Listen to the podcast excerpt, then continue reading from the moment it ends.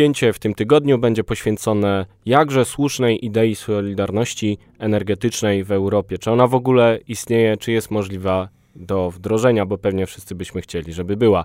E, zapraszam na kolejne spięcie z udziałem Mariusza Marszałkowskiego oraz moim. Nazywam się Wojciech Jakubik.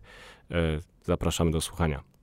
Spięcie biznesalert.pl to są krótkie rozmowy na tematy bardzo poważne w luźnej formie, która ma przybliżyć tę trudną tematykę naszym czytelnikom i widzom. Nie inaczej będzie w tym tygodniu. Jest ze mną Mariusz Marszałkowski z naszej e, redakcji. Rozmawiamy sobie o solidarności energetycznej w Europie. Przyczynkiem do tej rozmowy niechaj będzie dyskusja wewnątrz Unii Europejskiej o ograniczaniu dostaw gazu na wypadek kryzysu dostaw z Rosji, który jest coraz bardziej prawdopodobny, bo Rosjanie ograniczają podaż tego gazu od wakacji 2021 roku. Są oskarżani, moim zdaniem słusznie, że jest to element przygotowań do ataku na Ukrainę, a teraz do paraliżowania Zachodu w odpowiedzi na nie. No i Komisja Europejska wyszła z takim pomysłem, żebyśmy ograniczyli zużycie gazu w Europie. Dobry pomysł czy zły, Mariusz? To znaczy, na pewno sam pomysł ograniczania y, zużycia surowców energetycznych jest dobrym pomysłem, no bo jeżeli popatrzymy na szacunki innymi Międzynarodowej Agencji Energii, która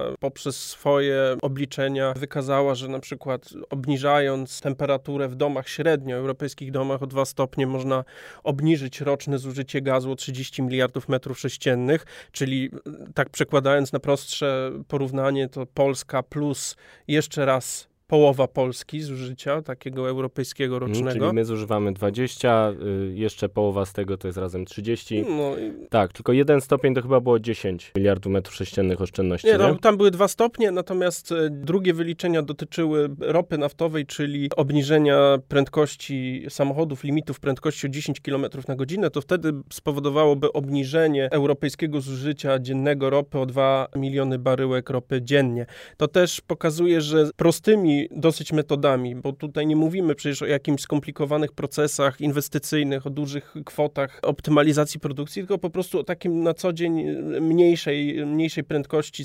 podróżowania, czy też mniejszej temperaturze. Oczywiście, bo tutaj od razu pojawią się głosy, ja często jak rozmawiam gdzieś tam ze swoimi znajomymi czy rodziną, mówią, my i tak mamy 20 stopni, to ile mamy mieć w domu? 18, 17, jeszcze no, mniej. Małe zaleca 19. No 19, no tak. No, natomiast są osoby, które mają znacznie wyższą temperaturę w domach, bo lubią ciepło, znam, lubią 25, znam. 26 No właśnie stopni. koleżanka mi się skarżyła, że y, w lutym 22 y, roku dostała 3000 zł rachunku za ogrzewanie. Zapytałem się, ile ma y, temperatury w domu. No mówi, że 25 stopni, bo lubi jak jest ciepło. No, no to ci, co są ciepłolubni, albo muszą przygotować się na bardzo wysokie rachunki, albo, albo rzeczywiście skręcić te termostaty na kaloryferach i no dlatego, jeżeli wracając do tej, tego pomysłu ograniczenia mm, zużycia energii tu w tym przypadku gazu, to na pewno nie jest zły pomysł. Tylko, że to tak jak zakłada Unia Europejska, musi być w jakiś stopniu regulowane czy dobrowolne. No bo też nie każdy, kto zużywa i tak niewielkie ilości gazu, powinien zużywać ich jeszcze mniej. Są pewne wartości, które, które powinny zostać zachowane no, z pewną logiką prowadzenia, dlatego ograniczenie zużycia jak najbardziej, ale rozumne ograniczenie. Plan komisji wzbudził opór na przykład w Polsce i na Węgrzech z tego względu, że zakładał, że jeżeli sytuacja będzie rzeczywiście zła, to ograniczenie będzie przymusowe o 15% w całej Unii Europejskiej Europejskiej, to nie było takie głupie.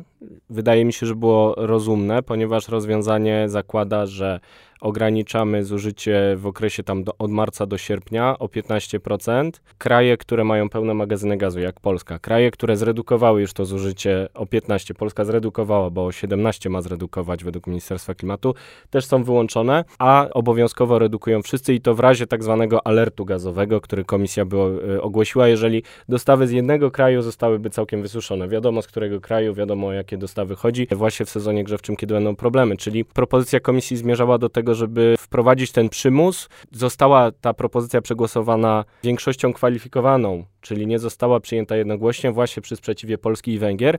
No i Węgry to wiadomo... Między innymi, bo tam jeszcze chyba Hiszpania, Portugalia, Ostatecznie Malta. w głosowaniu blokowały Polska i Węgry i nie mogły zablokować przez to, że nie było jednogłośności, jednomyślności. No i tutaj się zaczął cały wielki spór o suwerenność w polityce energetycznej, no bo Polska wyszła z taką argumentacją, że sprawy dotyczące miksu energetycznego zgodnie z traktatem o funkcjonowaniu Unii Europejskiej muszą być przedmiotem głosowania właśnie jednomyślnego a tutaj przeszła większość kwalifikowana i na przykład niektórzy w Polsce się boją, że zaraz będzie na przykład głosowanie większością kwalifikowaną, czy budować atom w Polsce i nas przegłosują, że nie wolno atomu budować w Polsce. No i to była taka dyskusja, tutaj Polacy dlatego stanęli po stronie Węgrów z trochę innych przyczyn, nie dlatego, że tam są onucami rosyjskimi, takimi jakimi są Węgry Viktora Orbana.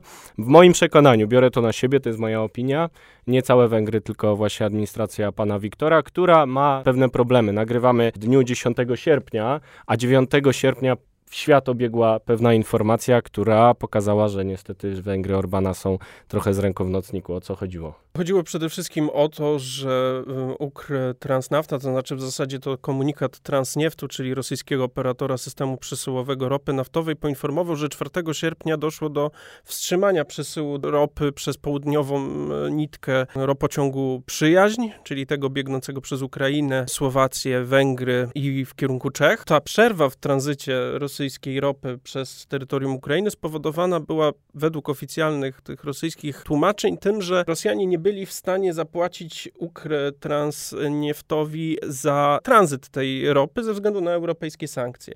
Czyli po prostu nie mogli zapłacić opłat przesyłowej, którą Ukraińcy żądają 100% przedpłaty, zanim ta ropa wpłynie do systemu, więc ropa przestała 4 sierpnia płynąć. Wierzymy, wierzymy czy nie wierzymy Transnieftowi? Bo to jest ta firma, która na przykład nam nie oddała pieniędzy za zanieczyszczoną ropę w 2019 roku, którą też tłumaczyła jakimiś tam niezależnymi przyczynami. To znaczy tam, tam chyba chodziło o kwestie tam handlowe, między innymi tam negocjacji, ile tej ropy było i tak dalej. Natomiast nie dostaliśmy jeżeli... ani grosza dalej. No nie dostaliśmy, no ale to, to, to już jest chyba pytanie. nie dostaniemy. To już jest pytanie, no właśnie.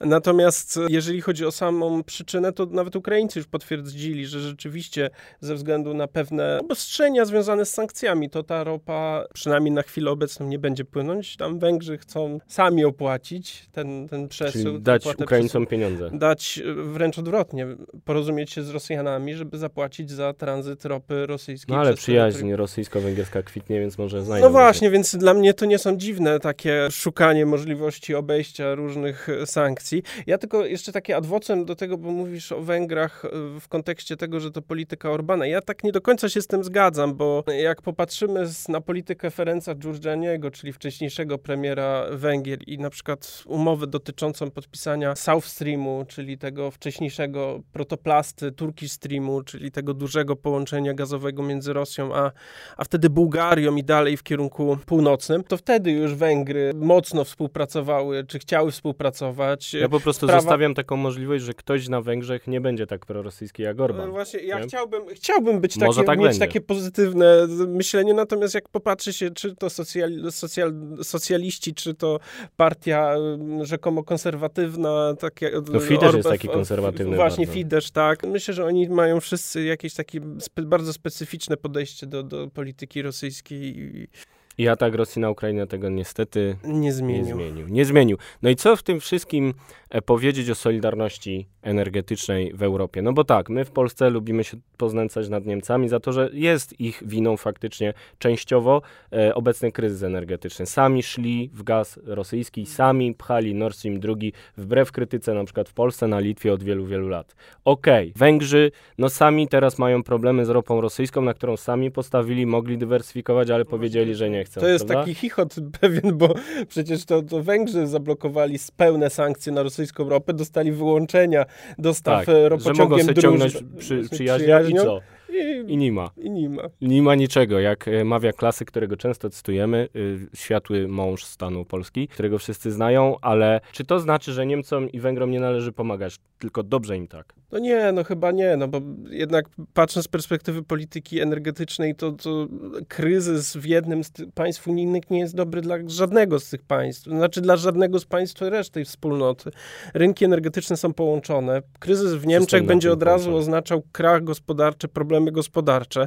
No jeżeli popatrzymy na wymianę handlową Polski i Niemiec, no to no problemy gospodarcze Niemiec zawsze przekładają się również na problemy Wysłaliśmy polskich. tam towary za 80 miliardów euro, nawet jest tekst na ten temat z Business Alert, damy linka tutaj y, pod, pod materiałem. No właśnie, czyli gdyby u nich kryzys gazowy zamienił się na kryzys gospodarczy, no to u nas też U nas będzie problem. No, ja wiem, że dzisiaj to można patrzeć z perspektywy takiej, a, że teraz niech, niech, chło, niech mrożą. Tak, możemy mieć rację. Możemy pomóc Niemcom. Oczywiście to nie jest tak, bo my patrzymy trochę tak, a pomoc to pomoc. To jest kwestia polityki. My możemy pomóc, ale oczywiście za coś, za jakieś konkretne rozwiązania i to jest kwestia rządu, polityków już ustalenia co w zamian. No właśnie i tutaj e, optymistyczny akcent na koniec. Może jest tak, mam nadzieję, że tak jest, że nasz opór w sprawie gromadzenia gazu obowiązkowego oszczędzania tego paliwa może być elementem gry negocjacyjnej, a nie tylko na złość Niemcom, bo może być tak, że my chcemy w ten sposób otworzyć negocjacje na przykład o reformie systemu handlu emisjami, bo faktem jest, według nieoficjalnych informacji, które też publikowaliśmy, nasze apele o to, żeby zreformować system handlu emisjami CO2, żeby polityka klimatyczna